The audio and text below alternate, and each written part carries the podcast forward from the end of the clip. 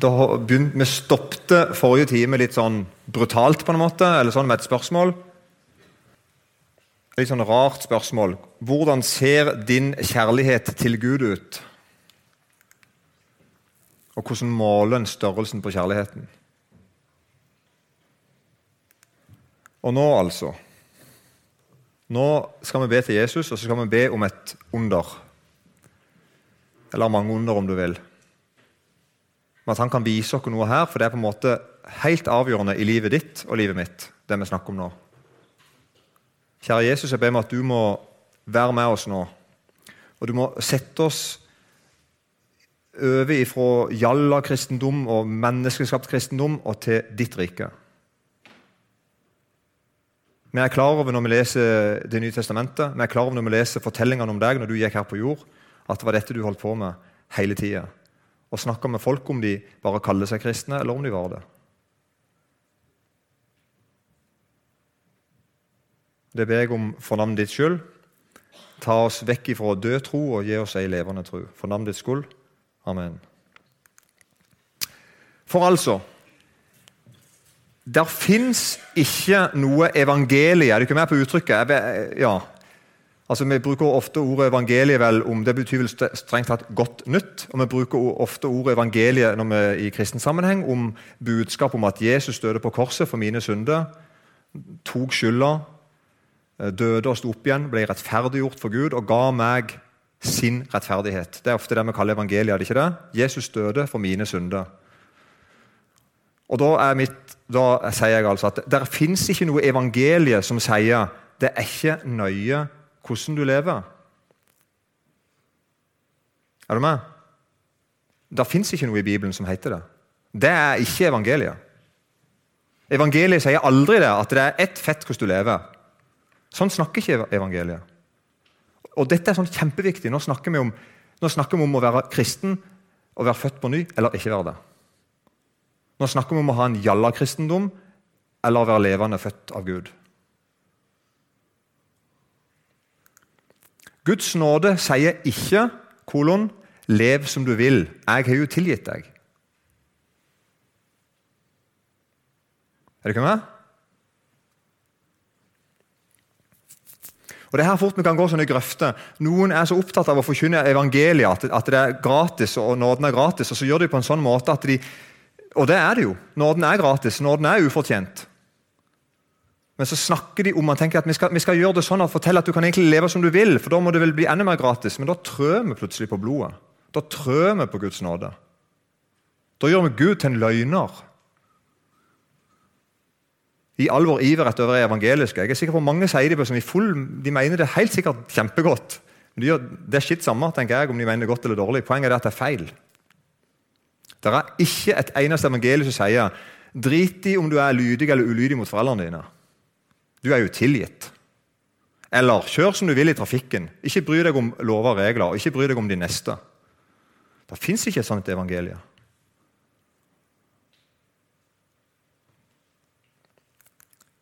Og derfor er det jo sånn at eh, Når Luther skal for, uh, skrive forklaringene til de ti bud, så begynner forklaringen med nå ble jeg rett etter tvil, for dette tok jeg bare etter, etter minne. Det kan være at noen lyse hoder vet at det ikke er helt rett. Men jeg tror han sier nøyaktig sånn som det. Han begynner hvert foran hvert bud. Du skal ikke ha andre guder enn meg. Og Så spør da, så spør da forklaringen hva betyr det Og Så svarer Luther sånn. Du skal frykte og elske Gud sånn at du Og så kommer det. Og Så kommer neste bud og neste bud og neste bud. Du skal ikke vitne falskt om nesten din. Hvorfor ikke? Nei, du skal frykte og elske Gud sånn at du ikke. Er du ikke med? Så altså, Når vi nå tar dette spørsmålet for tre ganger, som Jesus da fikk av denne mannen, den lovlærde mannen, hva er, hva er det, hvilket bud er det største i loven? Så svarer altså Jesus at det største budet i loven er at du skal elske Herren din Gud av hele, din, av hele ditt hjerte, av hele din sjel og all din forstand. Det er svaret til Jesus. Og det Jesus gjør, og så sier han da videre et annet er like stort. Du skal elske nesten som deg sjøl. Og så kommer poenget da til Jesus her. På disse to budene hviler hele loven og profetene. Hva er det Jesus sier her, blant annet? Jo, han sier det at alt handler om om jeg elsker Gud eller ikke. Alle brudd på mine bud handler om at jeg ikke elsker Gud, og derfor heller ikke elsker nesten min. Det, det er det som er grunnleggende feil hos meg når jeg står uten Gud. Jeg elsker ikke Gud. Jeg frykter ikke Gud. Og Derfor bryter jeg budene hans. sine. Derfor bryr jeg meg ikke om medmenneskene mine, som jeg skal elske som meg sjøl. Så altså, Hvis du hadde elska Gud akkurat sånn som du burde, så hadde du aldri gjort imot Guds vilje. Er du ikke enig i den? Hvis du hadde klart å elske Gud 100% 24 timer i døgnet, alltid, da hadde vi andre sett det, det, det, det vi andre hadde sett det på, var ikke hårfasongen din, antageligvis, heller ikke klesdrakten din. Det kunne vært litt forskjellig, Men vi hadde sett det på at du alltid gjorde sånn som Gud sa du skal gjøre. Og du til og med gjorde det ikke bare sånn av frykt for å bli tatt. eller sånn. Du gjorde det for du, du, du liksom, Det er jo dette jeg vil gjøre. Det er, det er jo dette jeg ønsker å gjøre. Det er, det, det er jo dette jeg lever ånde for. Hva annet skulle jeg gjort? liksom? Skjønner du? Sånn ser kjærlighet til Gud ut. Så det at jeg ikke elsker Gud, er grunnen til at jeg ikke holder hans sine bud. Er ikke med på den? Derfor tar Jesus og sier han at alle budene, alle syndene, alle lovbruddene Du kan pakke de i én pakke og si hadde du elska Gud av hele ditt hjerte, av hele din sjel av hele din forstand, så hadde du holdt de. Og fordi du ikke elsker Gud, så holder du egentlig ingen av de. Så det Jesus gjør, at Han setter ingen bud opp mot hverandre. Han sier ikke at, at de budene der er ikke så nøye så de budene der. Gud tar alle budene og så sier han, dette er det største budet. Hvorfor et bud da? Alle. Er du med? Ok, Så det er det du egentlig sier, at alle budene er store? Ja, ok. Og så er det jo rart å se, og det snakker vi tror jeg, for lite om at det å elske Gud er det samme som altså det, det, er synonymt med eller det, henger, altså det, det, går ikke an å dele. Det å elske Gud fører til at jeg elsker deg. Sånn er Bibelen snakker han sånn helt tydelig om. De som elsker Gud, elsker nesten sin. Og motsatt, hvis ikke de elsker Gud, elsker heller ikke nesten sin.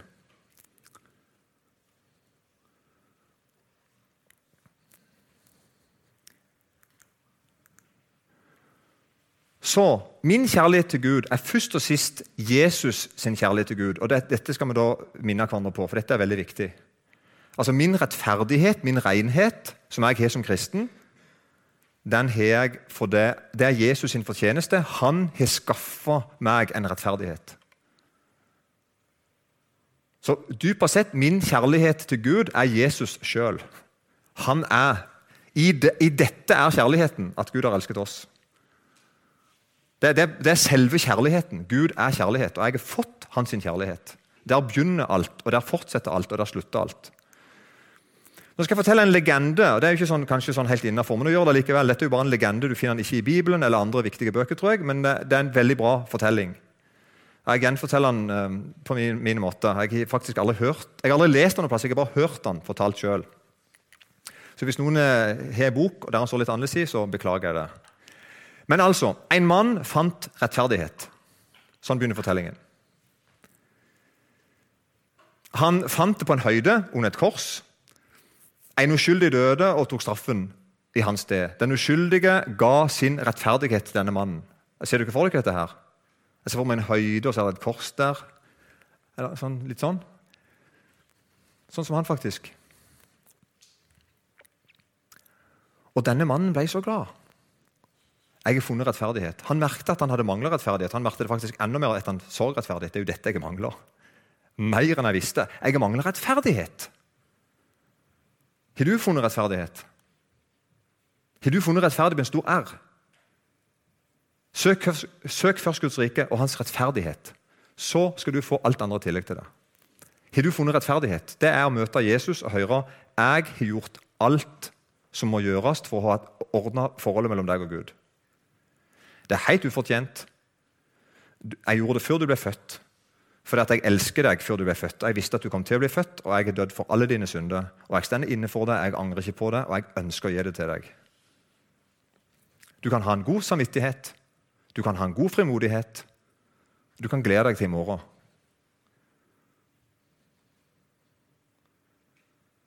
Helt fantastisk. Denne mannen fant rettferdighet på en høyde under et kors.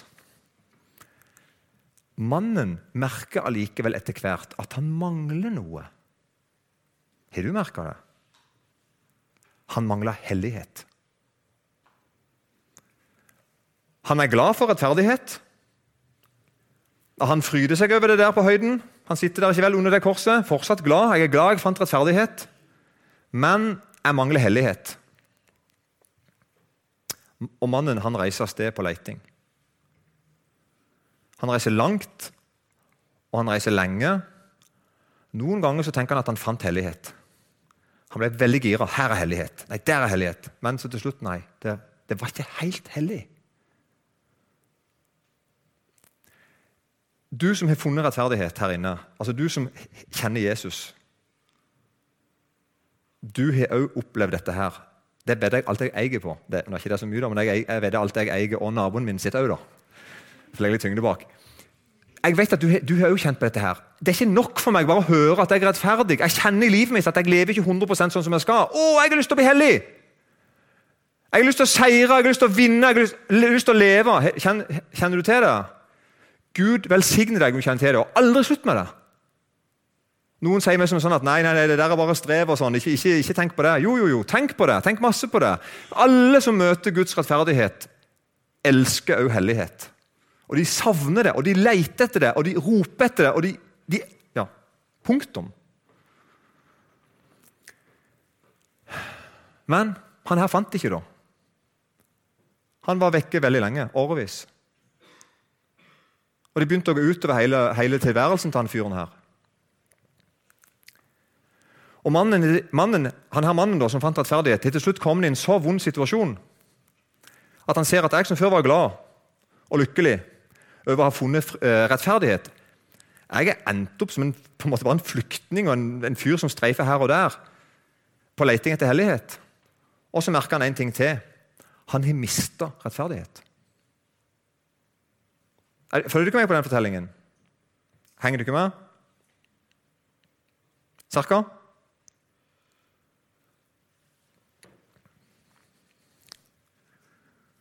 Så jeg, jeg, som en gang møtte Jesus og hørte at alle mine synder var tilgitt, hørte at jeg var elska sånn som jeg var, hørte at jeg, jeg, kunne, jeg kunne, høre han til, ufortjent av bare nåde At Det, det, det handla ikke om hva jeg har gjort og ikke har gjort. Det handler om bare hva han har gjort. Og så merker jeg at jeg har lyst til å leve for han, jeg har lyst til å være med han, og så merker jeg at jeg får ikke det helt til, og så begynner jeg å lete etter hellighet. Da vil jeg si til deg, Gud velsigne deg, du som gjør det. Ikke slutt med det. Ikke tro det er åndelig å la være å lete etter hellighet. For det er det ikke. Så til slutt sier mannen til seg sjøl jeg vil gå tilbake til rettferdighet. Det må i hvert fall være bedre å ha én av tingene, om ikke jeg har to.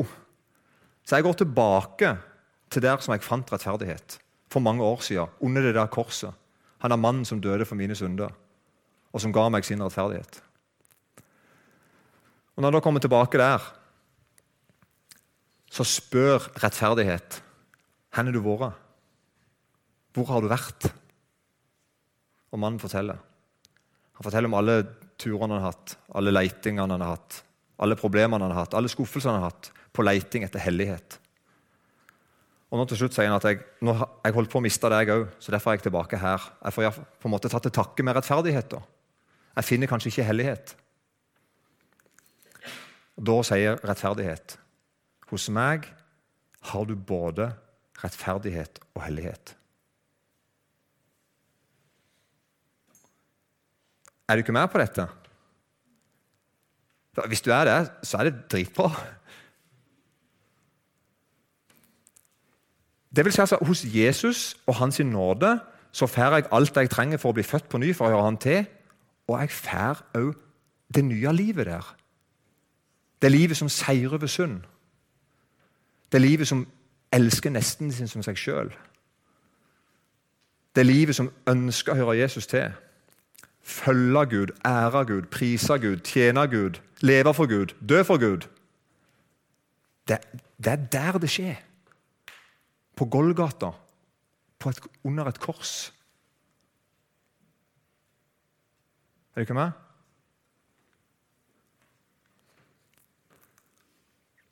Så altså, Guds nåde, syndenes forlatelse, er Guds rettferdighet gitt til meg. Dette er mitt nye liv. Dette er min hellighet.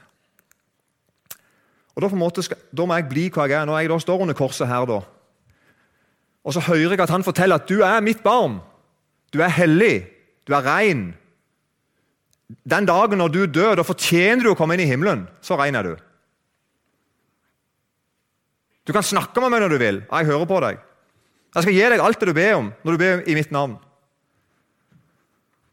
Ingenting kan ta ifra deg denne kjærligheten. her. Ingenting kan, ta, kan rive meg ut av din hånd, sier han til meg.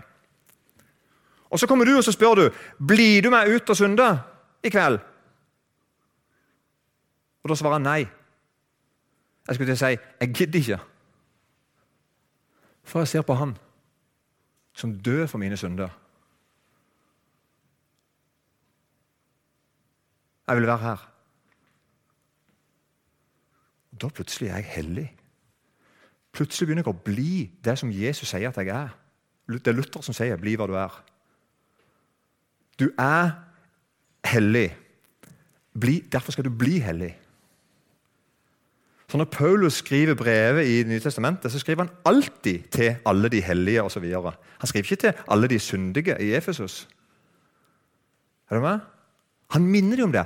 Du som hører Jesus til, du er hellig fordi du er rettferdig. Så det er ikke bare det at Gud elska meg en gang før. Han elsker meg nå.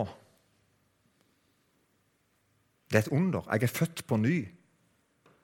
Det har skjedd noe helt radikalt for, nytt med meg. Jeg har fått en ny natur, jeg er en ny skapning, jeg har et nytt liv.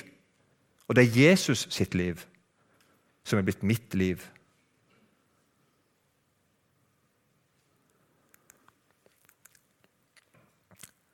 Det er flere sånne vers i Bibelen. De er jo kjempebra å lese, særlig når vi har dette her bakgrunnen nå. Jeg bare tok sånn to-tre vers, bare fant noen på bare søkte opp noen vers om dette. her. Det er utrolig bra. La alle dem som søker deg, fryde og glede seg i deg. La, la dem som elsker din frelse, alltid si 'Høy lovet være Herren'.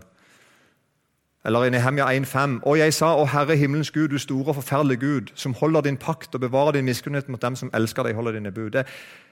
Jeg elsker deg, Gud. Du har rettferdiggjort meg, og du helliggjør meg. Du er alt for meg. 1. Johannes brev 3,18. Utrolig godt sagt. Mine barn, la oss ikke elske med ord eller med tunge, men i gjerning og i sannhet. Utrolig greit sagt. Vi skjønner det jo. Jeg må få med Gud å gjøre. Jeg må få med hans rettferdighet å gjøre. Jeg må bli hellig.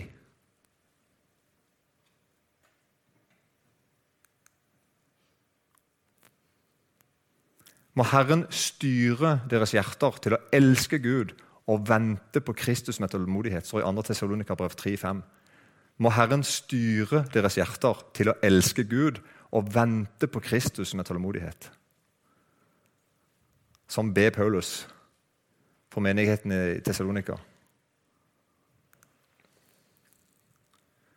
Eller 1. Johannesbrev 2, 23. Dette er hans bud, at vi skal tro på Hans Sønns Jesu Kristi navn og elske hverandre slik han bød oss. Så altså Å elske Gud er akkurat det samme som å elske Hans ord. Er akkurat det samme som å elske Hans bud. Er akkurat det samme som å elske nesten min som meg sjøl. Er akkurat det samme som å være født på ny. Er akkurat det samme som å leve i lyset. Er akkurat det samme som å være en kristen. Er akkurat det samme som å elske Han. Skjønner du? Det bare henger i håp, henger i håp, henger i håp. Du er født på ny. Du er blitt en ny skapning. Alt det gamle er vekke. Du er gått ifra å være en synder til å være hellig. Hellig. Du skal leve hele liv. Du, er, du kan elske Gud fordi du er født på ny.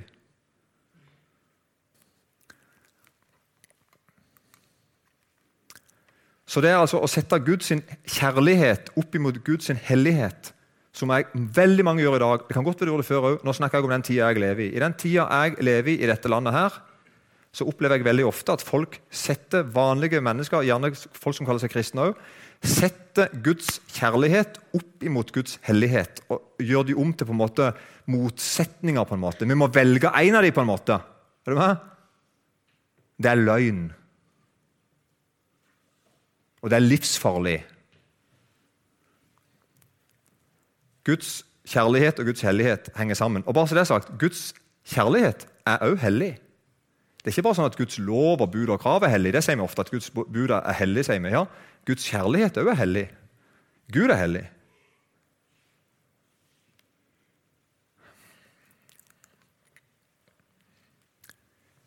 Så vi har fått en kristendom i Norge som er uten hellighet, men full av kjærlighet. i anførselstegn. Altså, det er ikke sant. Og Hvis du ikke er sånn cirka et produkt av den tida vi lever i, sånn cirka, øh, det tipper jeg at mange av dere er, så angår dette dykket mer enn noen gang angår dette dykket. Og meg òg. Det er det siste bildet jeg har her. Men du må passe deg for en kjærlighet, øh, du må passe deg for en kristendom som hiver ut hellighet, hiver ut bud. Hiver ut på en måte sider med Gud, men tenker at nei, det passer ikke inn i beskrivelsen av en kjærlig Gud, en kjærlig Jesus. Og Det var litt av det jeg prøvde i stad når vi gikk gjennom to-tre kapittel i, i Matteus. ikke sant? At vi ser at samme dag står Jesus og velter bord, han refser fariseere, og han, eh, han gråter over dem samtidig. Han ønsker de kunne vende om og komme inn under hans omsorg. Er ikke med? Han helbreder, han, han, ungene synger om han. Alt dette skjer på én dag. Kan ikke vi òg ha det sånn? Kan ikke vi òg tro på den samme Jesus, som er sånn? Som er heil? Som ikke bare er en fortelling om noe? Jesus er ordentlig. Han er sånn som Bibelen sier at han er. Og Den, den kristendommen med, i anførselstegn, som på en måte velter innover også i Bedehus-Norge og på en måte det lavkirkelige, konservative landskapet som jeg kom ifra, eh, er livsfarlig.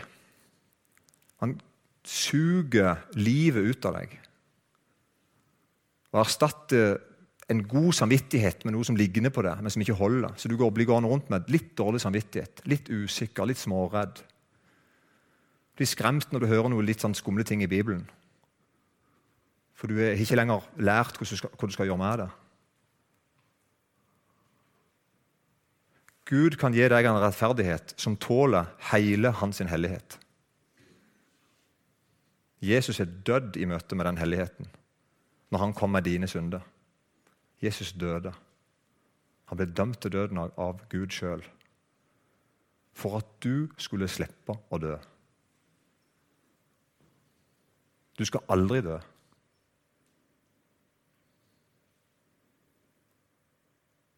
Så vi må holde fast på og hjelpe hverandre dette her, der vi kan. Vi må ha en kristendom som har hellighet og rettferdighet alltid i sammen. Og hvis vi gjør det, så går det bra med oss. Men hvis vi roter oss vekk, tar vekk en av de, eller blander de i håp, eller noe sånt, så er vi ute og kjører med en gang. Så Jeg var inne på det forrige gang, bare sånn helt til slutt. og det er det jeg ser at det, Vi har blitt et kristenfolk i Norge som veldig fort innrømmer at vi er syndere veldig enkelt kan si at vi er syndere. Kan stå på talerstol og lede møte, eller så sier vi til hverandre at jeg er en stor synder. Det er, liksom, det, det er null problem for å innrømme det. Men spør vedkommende om man kan bekjenne en konkret synd, eller innrømme en konkret synd, så er det hakket verre. Det er liksom bare en talemåte. Det er ikke på ordentlig. Og det er farlig. Jesus har lyst til å tilgi meg mine synder på ordentlig, ikke bare sånn i teorien, på liksom. Og gi meg en god samvittighet, gi meg fremodighet. Det var egentlig det jeg ville si, så da stopper jeg vel egentlig der. Takk, Jesus, at det er sånn at du elsker syndere og rettferdiggjør oss, og at vi kan kalle oss hellige. Hjelp oss å leve der alltid. Amen.